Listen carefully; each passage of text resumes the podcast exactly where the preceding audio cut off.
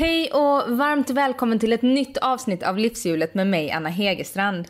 Du kanske märkte att det inte kom något nytt avsnitt av podden förra veckan. Och som jag skrev på min Instagram beror det helt enkelt på att jag blev ordentligt sjuk och tvingades flytta fram den intervjun som var tänkt i förra veckan. Nu är jag i alla fall frisk och tillbaka med avsnitt 220 och framöver har jag lovat mig själv att ha bättre framförhållning. Jag brukar ha det men ibland blir det inte riktigt som man har tänkt sig.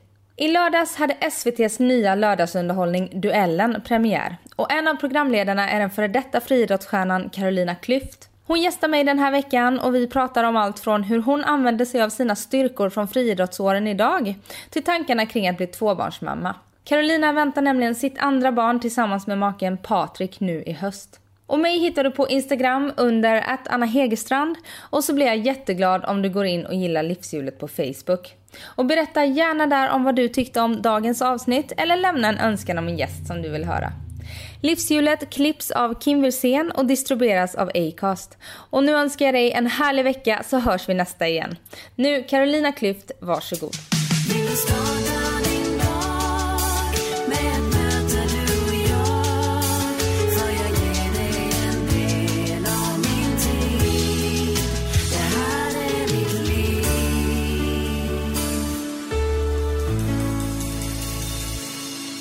Välkommen till Livshjulet Carolina. Tack så mycket. Hur mår du idag? Jag mår bra, tack. Det är eh, min första arbetsvecka efter semestern så det är eh, rivstart verkligen. Eh, med både, jag har ju lite olika jobb så att jag har både varit föreläsning och jag har varit på organisationen Generation Pep som jag jobbar på också halvtid och så är det pressdag idag inför, inför programledare, min programledarroll i Duellen som har premiär på lördag. Så mm. Det är verkligen full rulle den här veckan. Mm, och vi sitter på SVT nu och Dan, eh, du slutar, avslutar dagen, pressdagen, med den här intervjun då? Absolut. Ja. Och gillar du sådana här pressdagar och ge intervjuer och så? Det har alltid varit en del av min, mitt eh, arbete att, att göra det. När jag var idrottare handlade det om att ha presskonferens både inför och efter en tävling. Och eh, media har alltid varit liksom, en del av mitt jobb. Att möta media och prata och om det man jobbar med och hur jag har förberett mig och hur jag tänker och sådär. Så att eh, jag är ganska van eh, vid att ha sådana här situationer. Eh, sen är det inte alltid lika roligt som alla andra jobb. Eh, så tror jag att man ibland är piggare, ibland är man tröttare och ibland är man eh, sugen på att göra någonting annat. Men, eh, men oftast så går det, går det ganska bra. Mm. Är det någon skillnad att prata med pressen om sina prestationer som idrottskvinna än, eller som programledare nu?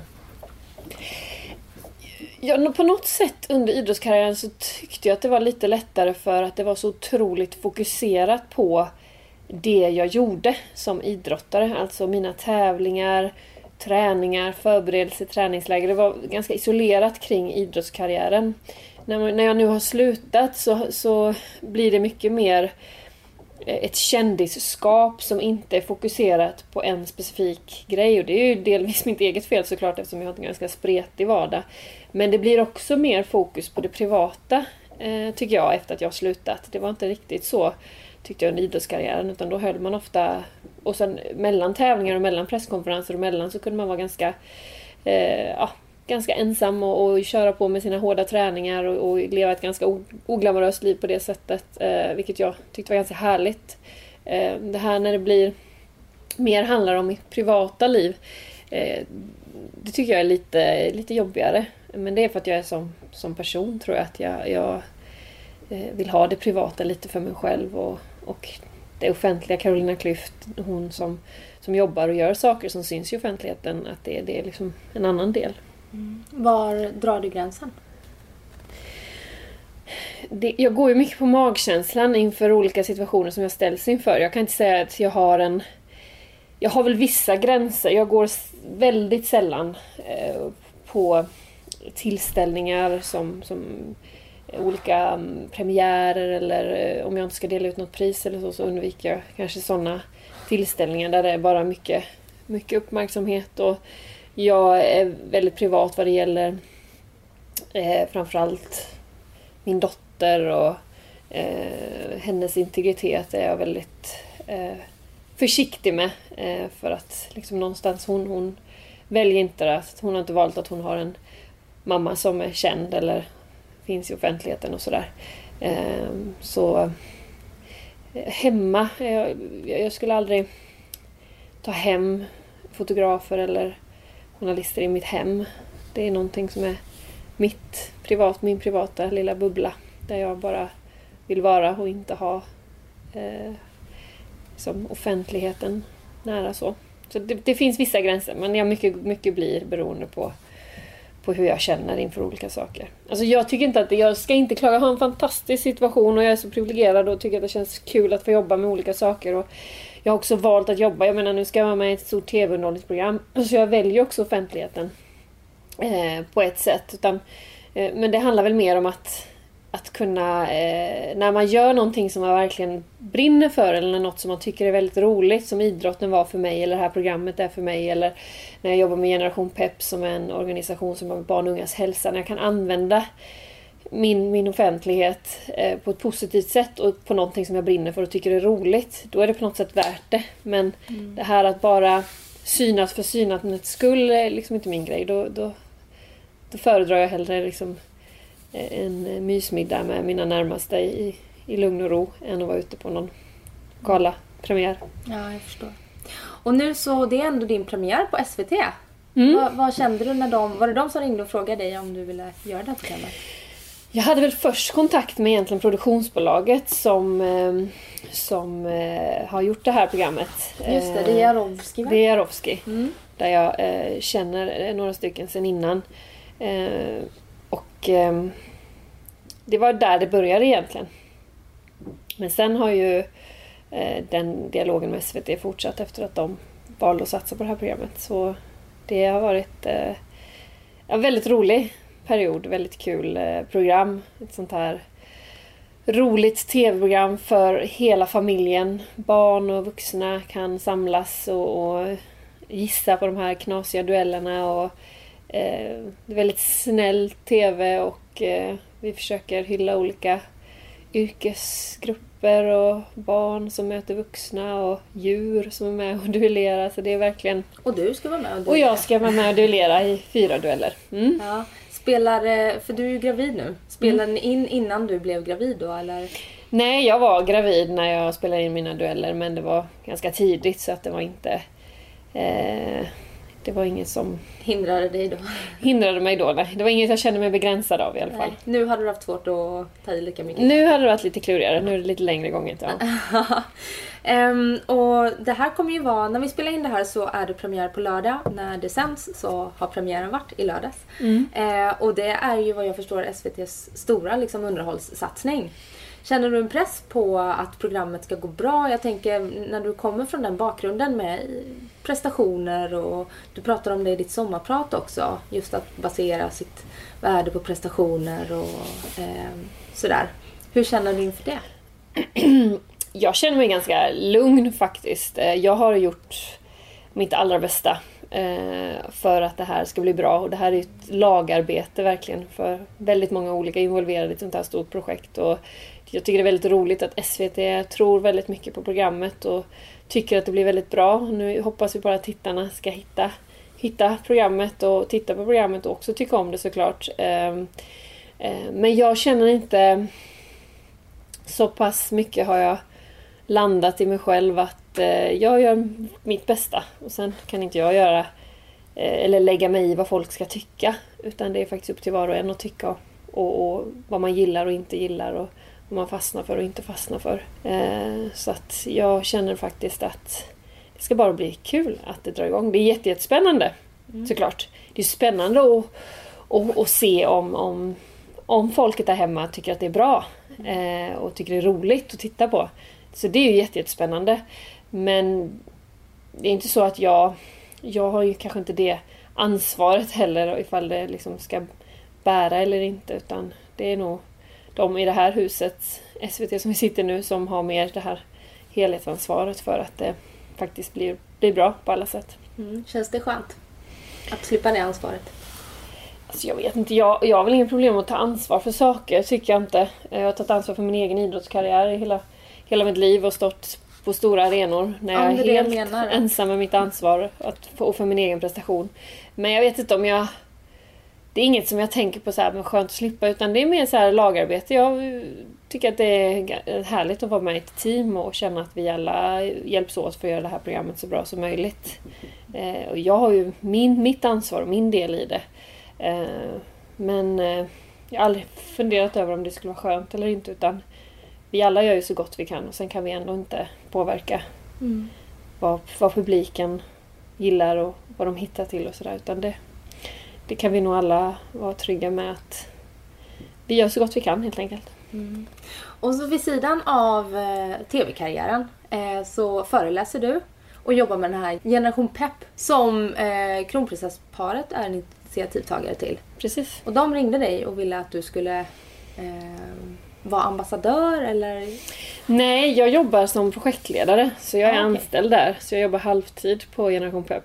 Eh, så vi är ett team som jobbar med organisationen. Eh, och den är ganska ny. Den lanserades i Almedalen förra året då, så drygt ett år gammalt. Eh, och vi jobbar med barn och ungas hälsa med, fokus på fysisk rörelse och eh, hälsosamma matvanor. Som vi ser på många forskningsrapporter och studier att tyvärr så ser det allt jobbigare ut på många sätt. Att barn och vuxna för den delen blir allt mer stillasittande under långa perioder. Vi är ju ett land som motionerar som mest i Europa men som också är ett av de mest stillasittande. Paradoxalt nog. Ja, det är så konstigt. Jo men det är inte så konstigt egentligen för det innebär att vi, vi är ganska bra på att komma iväg den där timmen. Kanske. Att springa en runda. Eh, vi vet att motion är bra och vi, vi, vi gör den här timmen, eller våra ungar, de går på sin aktivitet en timme. Men vardagen, alltså när vi inte är på vår aktivitet, så blir vi väldigt stillasittande. På jobbet, i skolan, till och från jobb och skola, alltså färre cyklar till skolan till exempel mot vad man gjorde förut. Eh, efter skolan, efter jobbet, eh, på kvällar och sådär, så är man väldigt stillasittande. Och då är den här timmen egentligen inte så... Det är klart den påverkar men, men det är ännu bättre att vara lite rörlig hela tiden under dagen. Att ställa sig upp ibland på jobbet eller i klassrummet få göra några övningar bara för att få igång systemet igen. Så att vi, vi är duktiga på att ta den här timmen men tittar man på hela veckan så är vi ganska väldigt still. Och barn sitter ännu mer still på helgen till exempel när de är lediga. Så att det, är en, det är en utmaning men som det är en fråga som också väldigt många arbetar med nu och som, som, man för, som många förstår är otroligt viktigt för, för framtiden. Eh, inte bara nu akut utan också framtida hälsan eh, för, för våra barn och unga när de ska bli vuxna. Så att det är ju en aktuell fråga. Så det jobbar vi med på olika sätt, försöker ena samhället både med vad det gäller det civila samhället men också med näringslivet och eh, politiker och andra att försöka enas kring frågan och göra så mycket vi kan för att förbättra och underlätta för barn och unga. Det är inte jämlikt idag med hälsa heller så att hur menar du då? det är väldigt beroende på var du föds, eh, vilken utbildning dina föräldrar har, eh, vad du har för socioekonomiska förutsättningar, eh, vilka intressen du har. Så kan du få väldigt olika livslängd till exempel ser man beroende på var du föds. Och det här måste man ju, tycker man är helt sjukt att vi som land i Sverige som har det så pass bra inte kan se till så att alla barn och unga får rätt till en god hälsa. Utan att det idag beror på eh, socioekonomiska faktorer till exempel. Eh, tillgång till grönområden, tillgång till lekplatser. Eh, möjligheter att röra på sig både i skolan och såklart på fritiden. Tillgängligheten in i idrottsföreningar. Ibland kan tröskeln vara för hög. Det är för dyrt. Eh, vi måste liksom tänka om kring ledarskapet och kring idrottsrörelsen har ju också en stor del i det här och jobbar också väldigt mycket med de här frågorna just nu. Eh, Så det är en, det är en, en fråga som är liksom ur ett demokratiskt perspektiv otroligt viktig. Hur ser din vardag ut? Är du en god eh, förebild? Ja, men självklart så när man läser mycket och f- får lära sig mer, det brukar ju vara kunskap gör ju att man man, blir, man, man förstår någonting så tar man mer ansvar. Eh, och när man tar mer ansvar så förstår man ännu bättre hur, mycket, hur betydelsefullt det är. Så att jag tror att jag, jag vet vad, vad det betyder för mig att, och för, för min dotter till exempel att, att eh, röra på sig eh, i vardagen. Eh, och det försöker jag såklart göra. Men sen handlar inte det här, det är likadant där, att det här handlar inte om Carolina Klüft som gammal elitidrottare. Att liksom man ska känna att oj, vadå måste alla bli hurtbullar nu och vara ute och träna flera dagar i veckan och sådär. Tvärtom liksom. Det handlar om att sänka ribban och förstå att ja, men en rörelsepaus, om du är dataintresserad ungdom som älskar att spela data. Jag ska inte dra undan din dator från dig eller, eller dina spel men lägg in en paus på fem minuter en gång i halvtimmen där du bara reser dig upp och gör enkla övningar. Det betyder otroligt mycket för hälsan. Så, så det handlar liksom inte om att börja träna stenhårt eller ut och springa varje dag utan ta trapporna, eh, hoppa av en station tidigare och gå sista biten hem. Ta cykeln till skolan, underlätta. Eh, bygg fler lekparker som är roliga. Eh, så alla olika delar i samhället har ju ansvar i det här. Att göra det enklare för barn och unga att också röra sig i sin vardag. Att bli påmind om att just det, jag ska röra på mig också. Och nu lanseras i dagarna här en, en app eh, som Telia släpper där man, om man rör på sig då som ung så kan du få mera surf till exempel. Mm, man möter barnen smart. där de är. Eh, de, de, det är klart att de tekniken är här för att stanna. Det är klart att skärmar bidrar väldigt mycket till att man blir stillasittande. Men förra sommaren var det den här flugan Pokémon Go. Det kanske mm. folk håller på med. Jag blev aldrig fast i Nej. eller jag provade aldrig ens. Men det känns också som att det fick fart på ungdomar och vuxna. Precis, jättebra exempel på att möta barn och unga där de är. De, de, de har sin telefon, de vill spela men oj vad mycket barn och unga det var som begav sig ut och mötte varandra och olika åldersgrupper möttes. Mm. Eh, så det blev liksom, även fast man tror att allt som sker med skärmar blir inte så socialt så blev det också en väldigt social sak att man träffades vid de här jag kan inte heller så mycket, jag har inte heller spelat ja, så alltså mycket men med Pokémon-gymmen och... Ja, jag bodde precis vid ett Pokémon-gym. Ja. Och det var ju fullt med folk där jämt. Och jag var så fascinerad av hur folk... Alltså så olika åldrar. Och det var ju vuxna som var ute med sina barn som också var helt inbitna. Ja. Och det, jag är såhär, men det här är ju en barngrej liksom. Mm. Men det var ju gubbar på 50 år. Ja, visst. ja. Så att, eh, men jag ser inte lika mycket nu.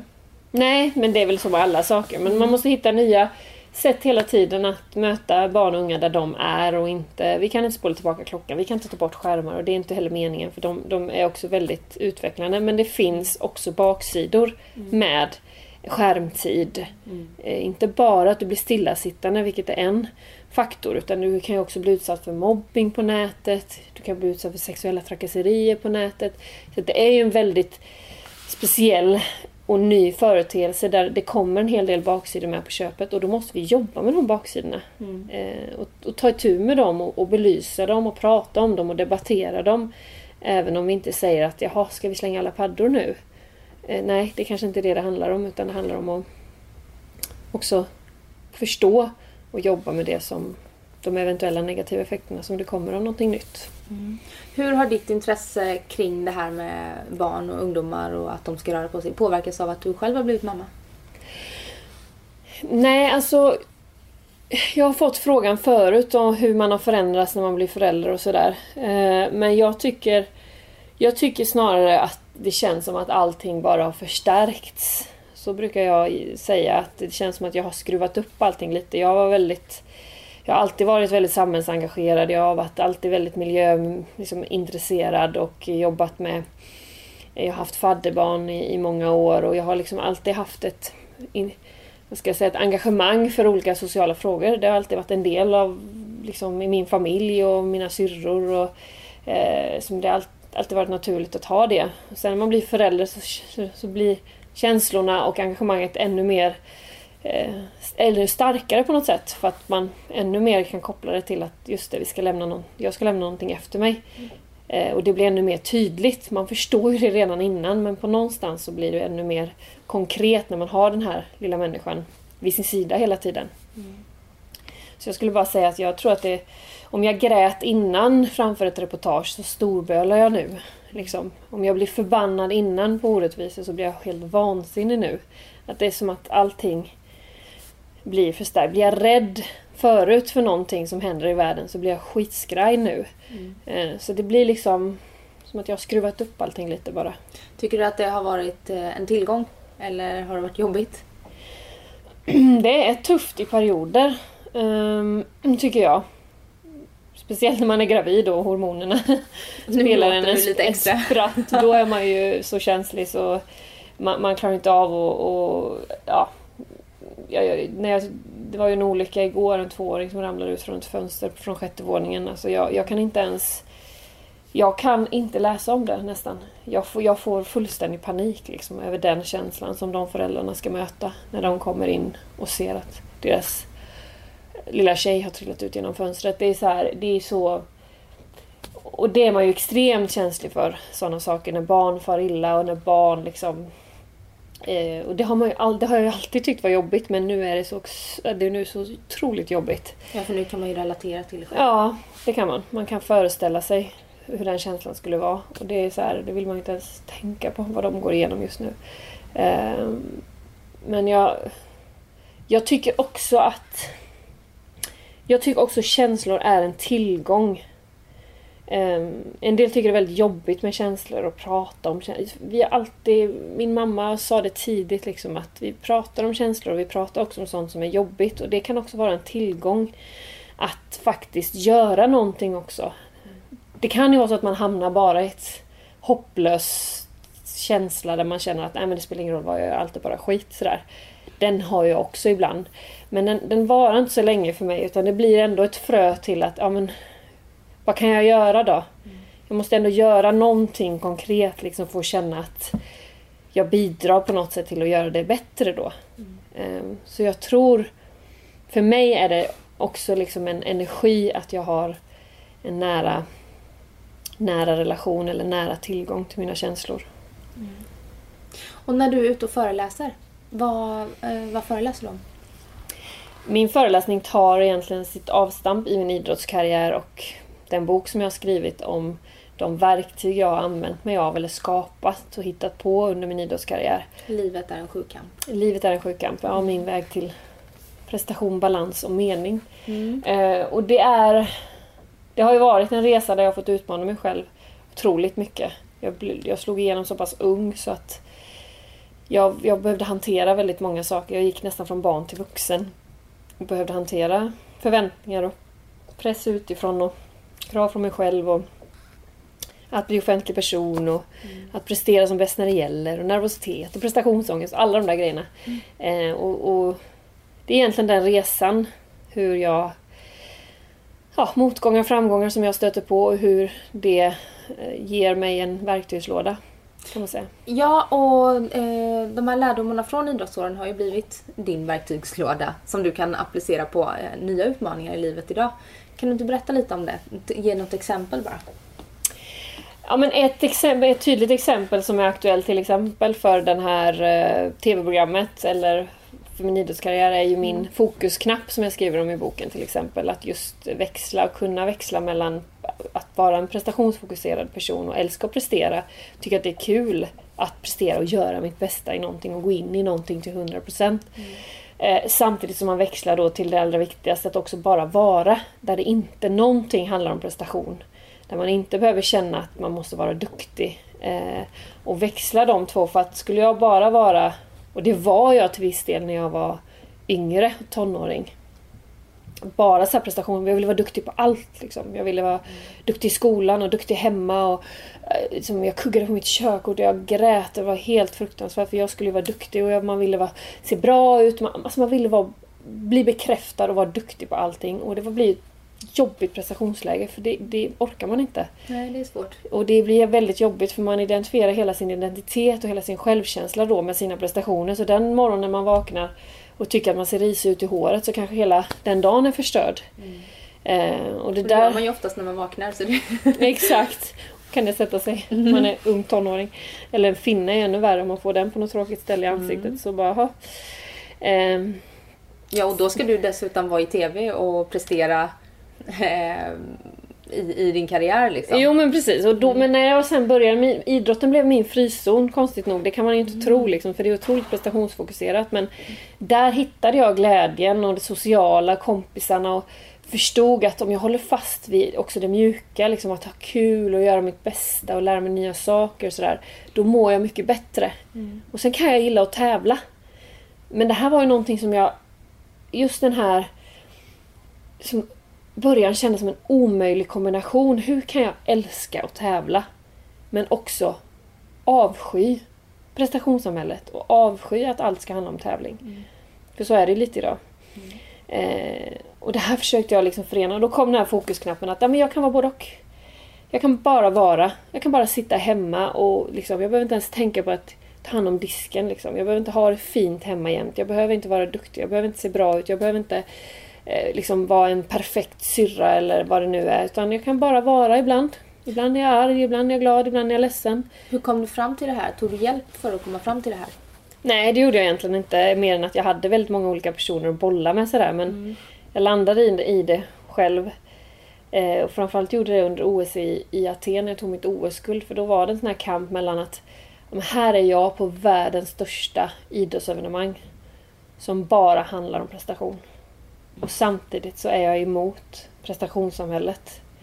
Där man bara verkar värdesätta människors värde efter vad de presterar. För det så syntes i OS-byn. Den som hade lyckats var i höjd till skyarna. Och den som hade misslyckats ja, såg man knappt och var inte värd någonting. Och du var ganska ung då, du var 20... Jag var 21 när jag vann mitt OS-guld. Just det, 21. Och samtidigt så eh, berättar du att din pojkvän, han missade sina kval. Ja, han missade kvalet så han tog sig inte till final under OS. Nej, och att det tog väldigt hårt på honom. Hur var det för dig som liksom hade tagit ditt OS-guld samtidigt som du levde med honom och hans besvikelse kan jag tänka då? Ja, det var en väldigt svår situation. Eh, och det stärkte ju mig ännu mer i, i hur viktigt det är att bygga sin självkänsla och sitt värde som människa på andra saker än sin prestation. Mm. Eh, jag jobbade väl ännu mer efter det hårdare, ännu hårdare med att bara vara läget där jag bara är. Den jag är är någonting helt annat. Det baserar jag på mina värderingar, hur jag är mot andra människor och liksom att bara känna att jag kan vara den jag är. Jag behöver inte vara perfekt. Ibland blir jag arg, ibland gör jag dumma saker men då kan jag be om förlåtelse och liksom jag behöver inte springa runt och känna att jag behöver vara... Och sen att jag kan växla det. Att, ja, men jag tycker det är kul att tävla men då, då går jag in och gör det. Och det är bara en bonus. Det är så här, ja, skitkul att stå högst på prispallen. Jag skulle aldrig säga någonting annat. Jag har varit så stolt och så glad över att stå där och lyssna på svenska nationalsången. Men det... Det ska inte vara avgörande för mig som människa. Utan s- jag ska ha en grundbas. Han föll som ett korthus. Han reste sig inte någonsin igen skulle jag säga efter det. Eh, vad det gällde idrotten. Nej. Nu har han ju rest sig och gått vidare i livet men där dog gnistan för idrotten för honom, eller friidrotten. För det var så hård smäll att ta. För han hade byggt upp hela sin identitet, hela sitt värde kring att lyckas som stavhoppare. Så när han misslyckades så bara föll han ihop liksom. Och han, han var deppig i flera månader efter det. Och kände ju som, vad är det värt? Och för mig blev det så tydligt att det måste vara värt det om man ska hålla på. Och då kan man inte... Då måste man ha kul under tiden. Om man, om man misslyckas så måste man känna att ja, okej, det var en sån dag idag men jag faller inte som människa. Jag behöver inte tycka jag är värdelös. Det var en dålig prestation idag. Okej. Det var en bra prestation idag. Okej. Men det vad definierar inte den du är. Men vad häftigt ändå att, att få den insikten när man är så pass ung i den branschen.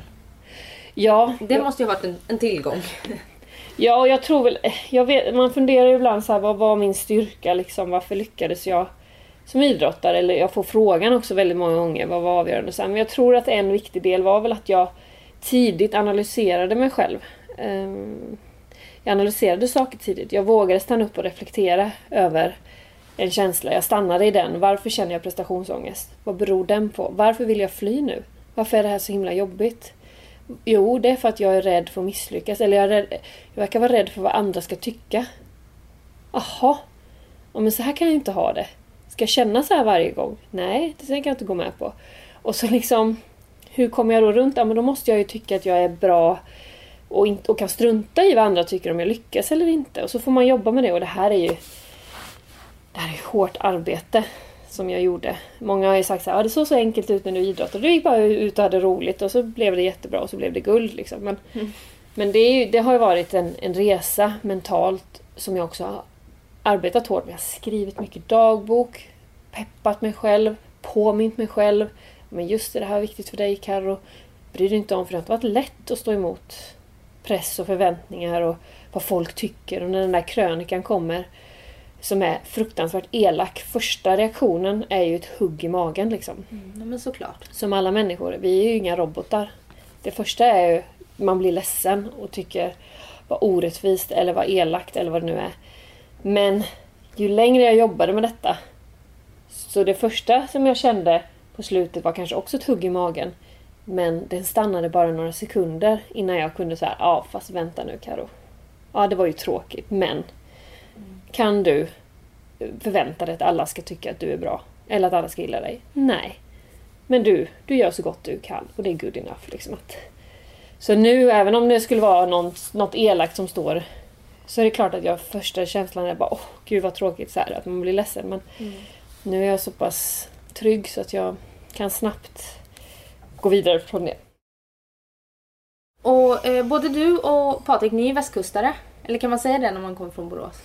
Typ. Mer än östkust i alla fall. Ja, det kan man väl säga. ja, men ni bor idag i, eh, utanför Stockholm, i Haninge? Ja, vi, vi har ju bott lite överallt. Jag är egentligen inte uppväxt på västkusten eller i Borås utan jag bodde där mina första sex, sju år i livet. Så. Just, och sen Växjö va? Mm, så mm. Småland är ju, och mina föräldrar är från Småland och de, släkt och familj har alltid funnits i Småland. Så Småland för mig är ju, och utanför Växjö är min, mitt hem så. Uh -huh. Eh, men sen har jag bott i Blekinge i nästan tio år. Och sen har vi, Patrik, varit i lite andra städer, Norrköping, Piteå, nu Stockholm och sådär. Så att vi... Mm. Hur kommer det sig att det blev Stockholm? Nej men det, det är jobb mycket eh, som det beror på. Jag har i och för sig lite familj här nu, två syrror och, och Patrik har en, en brorsa här i, i Stockholm. Så alltså vi har lite familj här men, och väldigt mycket goda vänner här. Så, men det blev Stockholm för mig då för att jag började träna tillsammans med Michel Tornéus, en annan längdhoppare då. Eh, Sveriges bästa längdhoppare. Eh, han eh, tränar här i Stockholm så då valde jag att flytta upp hit och börja, börja träna i hans träningsgrupp mina, mitt sista år egentligen som längdhoppare innan jag slutade. Mm. För att göra någonting annat. Eh, så därför så egentligen så så var det det från början och sen så är det mycket, vi har mycket jobb, eller jag har haft mycket jobb här. Sen har Patrik bott delvis här och ibland inte. Eh, eh, och nu, just nu är vi här men det, sånt kan förändras. Men mm. vi är inte så rotade någonstans egentligen. Nej. Och eh, så väntar du ditt andra barn nu. Och hur känns det att gå mot att bli tvåbarnsmamma? Hur går tankarna kring det? Ja, många av de här tankarna är ju då den här lilla gränsen som jag brukar dra. Att mycket, mycket av mina tankar är eh, sånt som jag liksom behåller för mig själv när det gäller just familj och, mm. och barn och, och sådär. Eh, jag är liksom inte så bekväm att prata om det offentligt på det sättet. Ehm, men det är klart att det kommer bli ett nytt äventyr. Det förstår jag ju när jag tänker på det gå från ett till två. Och en del säger att det är ännu större omställning än att gå från noll till ett. Men det är lite... Det råder o, oense om i den frågan tror jag. Det finns många som tycker olika. Mina vänner, vi är de enda som har ett barn. Alla andra våra vänner har två barn. Och de säger att ett barn är inget barn. Två barn är väldigt många barn. ja, ja, du ser. Eh, men de har också väldigt, väldigt tätt. Flera, mm. flera av våra vänner. Så ett år emellan. Ja. Så att, eh... Ja, det har jag lite mer. Nej, men det, alltså, jag, jag, är inte speciellt rädd för några utmaningar egentligen. Eh, som, som jag har i mitt liv. Eh, jag känner också, jag brukar inte ta på mig större utmaningar än vad jag känner att jag ändå... Jag brukar ta på mig stora utmaningar men jag brukar ändå känna att, att det inte känns övermäktigt. Eh, och jag räknar inte heller med att livet ska vara guld och gröna skogar jämt. Jag räknar inte med att ha barn bara är kul. Eh, utan att det också är tufft och jobbigt ibland. Eh, de som säger att det bara, bara är roligt och bara är änglalikt och fluffigt och mysigt. de, de har antingen barn som alltid gör som man säger. Eller så ljuger de. Eller så ljuger de för att måla en, en bild som inte är sann. Eh, men det är lite det som är livet och det är det så det har varit under min idrottskarriär och så är det nu också. Det går upp och ner och ibland är det tufft och ibland är man som sagt arg, ledsen och frustrerad och ibland tappar man tålamodet och sådär. Eh, man gör så gott man kan, man är bara människa och eh, jag tycker ändå att det är kul med utmaningar. Så Mm. När, när kommer bebisen? om ett antal veckor. Om ett antal veckor. Ja, men du ser, det är det jag sitter och tittar på det nu och du ser inte jättestor ut. Nej, men det- är, det är inte så långt kvar. Nej. Inte. Nej, vad härligt. Lycka till får jag säga. Tack! Ehm, och vad skulle du annars säga att du står i livet idag? Nu så har du det här programmet som kommer rulla på SVT i höst. Eh, och eh, du jobbar med PIP. där du är projekt... Pepp. Ja, jag säger PIP hela tiden. Där du är projektledare och föreläsningar. Är du liksom nöjd där du är eller vad, när du blickar framåt? Du menar, du är ganska ung. Och har redan lagt en karriär bakom dig. Ja, alltså jag är ju inte, jag är inte karriärperson längre på det sättet eh, att jag... Idrottskarriären var ju verkligen fullt fokus på det. Det kom alltid i första rummet. Eh, Det var det som liksom... eh, Var jag seg eller trött, då vilade jag. Eh, Då struntade jag i att gå på fest eller träffa kompisar. Alltså det, allting var ju upplagt för att göra så bra idrottskarriär eller idrottsprestation som möjligt. För att så jag tyckte det var så kul och jag brann så jättemycket för det och jag ville ge mig själv som alla förutsättningar för att bli så bra som möjligt. Och det är jag ju så förbi. Jag är inte någon karriärist, tycker jag själv, eh, nu längre. Eh, utan nu är det ju liksom andra värden. Det är familjen och, och det är så här. Sen älskar jag att jobba och jag älskar att utmana mig själv. Jag tycker att det är väldigt kul men men jag har ju liksom ingenting som, som är viktigare än Eh, liksom familjen och det liksom, man har helt andra perspektiv idag.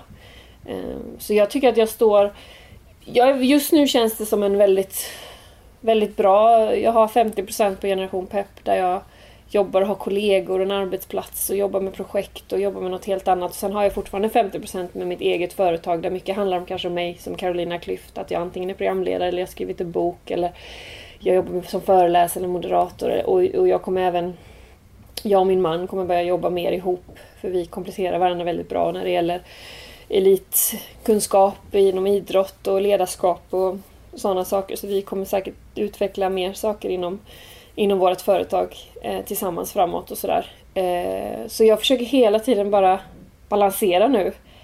Eh, att ja, det finns väldigt mycket roligt men jag vill ha en skön balans. Jag vill inte eh, missa en massa tid när mina barn är små. Jag vill inte stressa som en galning. Sen är det helt okej att vissa perioder är mer intensiva. Men då ska det balanseras upp med att en period är lite lugnare. Och det här tränar jag på sjukt mycket hela tiden. För det är min svagaste sida att det finns så mycket roligt att göra och det finns så mycket bra saker man kan göra. Eh, och det är väldigt svårt att tacka nej ibland. Men jag, jag försöker tacka nej och, och försöker hitta en bra balans. Så att jag inte känner att jag är borta för mycket eller stressar för mycket eller liksom viker mig själv ut och in för, för någonting utan jag försöker hitta balans. Så det jobbar jag mest med. Mm. Har du någon som hjälper dig med lite vad du ska tacka ja och vad du ska tacka nej till? Jag menar rent eh, strategimässigt. Att det här passar dig. Som duellen är ju ett superbra program för dig tänker jag. Nej, alltså det, det gör, jag bollar ju mycket med min magkänsla och mitt inre men, men det är klart att Patrik, min man som jag har liksom levt med nu sedan jag var 18 år gammal eh, är ju liksom min, min bästa vän och min, eh, han som utmanar mig mest och, och liksom ställer de där frågorna som måste ställas. Som, han som inte liksom kammar mig medhårs eller eh, utan som alltid och som också har en helt annan bakgrund och som kan ställa ja, utmana mig liksom och vi kan diskutera saker och sånt. Så det är klart att han han eh, betyder väldigt mycket i, i de dialogerna. Sen pratar jag ju mycket med andra personer också i min närhet men han skulle jag väl säga är den som jag tar mest hjälp av när jag ska fatta sådana beslut. Mm. Och så undrar jag en sista fråga. Det här med balans är viktigt för dig. Vad gör du då en helt, liksom, när, när du stänger alla, dörren till alla måsten och bara ehm, återhämtar dig? Eh, Då försöker jag först och främst lägga undan telefonen. Eh, Jag eh, är ju inte så aktiv på sociala medier och sånt. Utan det försöker jag reservera för jobb bara. Jag har Instagram tror jag och eh, tror jag. Eh, det har jag, lägger jag ut ibland och så Twitter har jag fast det, där är jag aldrig inne nästan. Men, men eh, jag följer liksom inte en massa och läser inte en massa. Och, så den lägger jag undan. Eh, och så försöker jag vara ute mycket. Nu i sommar liksom handlar det om att vara ute och hitta på grejer och vara ute i naturen. Vi har hund liksom. Att man är ute och när man har barn så vara ute och hitta på grejer. Bor ni i närheten till naturen? Och Ja, det gör vi. Som en viktig faktor. Vi har ett eh, sommar och vinterställe också i Järvsö där naturen är väldigt nära till hands. Och sen blir det ju mycket så här vänner och familj. Träffa dem. Eh, liksom ta dagen som den kommer. För mig, där kan vi väl hamna i konflikt jag och min man för att han är lite mer, han vill ha en plan. Mm. Så här, lite mer planeringsmänniska än vad jag är. Eh, när jag är ledig. Då, då vill jag så här, ja, känner vi får göra det här en timme så gör vi det en timme. Och mycket hänger man ju med också när man har barn. Så här, vad pigga är de? Och, eller en har jag ju nu men Mm. liksom, vad, vad, an, försöka anpassa mig, vara lite mer, bara glida med. Mm. Och inte vara så, och absolut inte göra någonting som handlar om att jag ska... Man kan väl säga så här att när jag är ledig, då är jag Karo. Mm. Eh, och det innebär att då, då tänker inte jag någonting på jobb eller eh, prestation eller liksom, jag är ganska bra på att slå av och på så. Just det, Eh, och den där knappen. Ja, och sen när jag går in liksom i en jobbfokus då är jag mer liksom Carolina Klüft eller vad man ska säga eh, i min profession och eh, då är jag liksom beredd på att skriva en autograf eller ifall jag är i ett sånt sammanhang. Är jag ute på en privat middag med mina vänner då kan jag ju vara mycket mer bli mer stressad och mer anti av att folk kommer fram för jag är här privat. Liksom. Ja, då har du inte den rollen liksom. Nej, då är jag liksom Jag inte beredd på att... Sen om det kommer ett barn så ställer jag alltid upp. Mm. Men jag kan säga nej till ett foto, eh, fototillfälle med någon ute på en restaurang när jag sitter och käkar middag med mina vänner. Det kan jag göra om jag är där i helt privat sammanhang. Blir folk sura eller tar de det då? Nej, jag tror att många respekterar det. Sen ställer jag upp ibland i alla fall. Det beror helt på liksom mitt mode och vad, vad jag eh, känner för där och då. Men för att undvika sådana situationer så blir jag ju ganska privat. Mm. Jag håller mig kanske mer hemma och tycker om mer att åka hem till en kompis eller Mm. åka hem till någon, någon i familjen eller vara hemma med min familj. Sådär. Att jag undviker situationer där jag tvingas vara Carolina Klüft om man får säga så då. Eh, för att det blir inte avkoppling för mig på samma sätt. Utan jag, jag gillar att inte behöva vara igenkänd Mm. alltid. Nej. Det är väl skönt att kunna ha två olika roller. Det är ju samma person. Det låter som att jag liksom inte... Jag är ju alltid mig själv i vilken situation den är. Det är bara att mitt, min, mitt energitillstånd av när jag är ledig så vill jag vara Mm, jag mer i fred helt enkelt. Men när jag är i en jobbsituation då kan jag liksom vara social och prata. Jag är mer tränad i det här sociala. Jag kan hålla en presskonferens, jag kan stå och leda ett program. Jag kan, jag kan inta rätt så mycket olika saker eh, som jag annars skulle tycka var liksom... Men när jag är privat och jag är själv eller med min familj, då, då vill jag vara i fred. Mm.